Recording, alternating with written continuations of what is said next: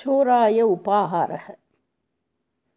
एकदा रात्रौ शाबरिमतिस्तस्य आश्रमस्य पाकमन्दिरं प्रविष्टवान् कश्चन चोरः। सः यदा किमपि चोरयन् आसीत्, तदा तम् आश्रमवासिनः गृहीतवन्तः। आश्रमे चौर्यं कर्तुम् उद्यस्य तस्य विषये सर्वेषां महान् क्रोधः आसीत्। अतः सः सम्यक् प्रहृतः अपि। एषः इदानीमेव आरक्षाधीनः करणीयः इति अभिप्रायं प्रकटितवन्तः केचन किन्तु गान्धीवर्यस्य अनुज्ञां विना तत् असाध्यम् आसीत् अतः अग्रिमे दिवसे प्रातःकाले महात्मा गान्धीवर्यः उपाहारस्वीकरणाय यदा तत्र अगच्छत् तदा आश्रमवासिभिः सः चोरः तस्य सम्मुखे उपस्थापितः चोरः कथं बद्धः इत्यादिकं गान्धीवर्यं विस्तरेण श्रावितवन्तः ते। सर्वं श्रुत्वा गान्धीवर्यः अपृच्छत्। एतस्मै उपाहारः दत्तः भवद्भिः उत न इति। उपाहारः कोऽपि न दत्त इति अवदन् आश्रमवासिनः।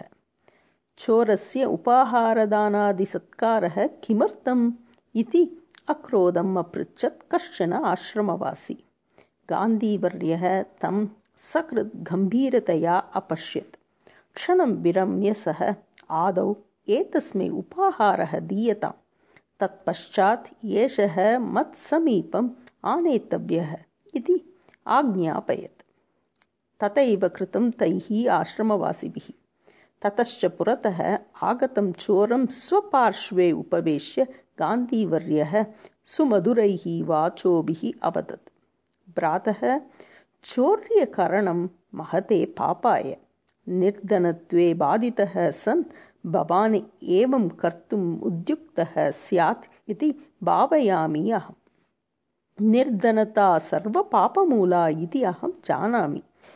सः अनिच्छतः अपि जनस्य द्वारा पापकार्याणि कारयति। एवं ननु गान्धीवर्यस्य मृदुना व्यवहारेण सः चोरः आश्चर्यचकितः। गान्धीवर्येण चौर्यस्य वास्तविकं कारणं यत् ऊहितं तत् तस्मिन् आश्चर्यम् अजनयत्। गान्धीवर्यस्य मुखं निर्निमेषं पश्यन् सः मौनेन अतिष्ठत्। गान्धीवर्यः एव पुनः अवदत् मित्र अलं चिन्तया अहम् अस्मिन् एव आश्रमे तुभ्यं कार्यं दास्यामि। एतच्च दुष्कार्यं त्यज। अस्माभिः सह साधुजीवनं यापय। एतत् अनुमतं खलु भवतः इति।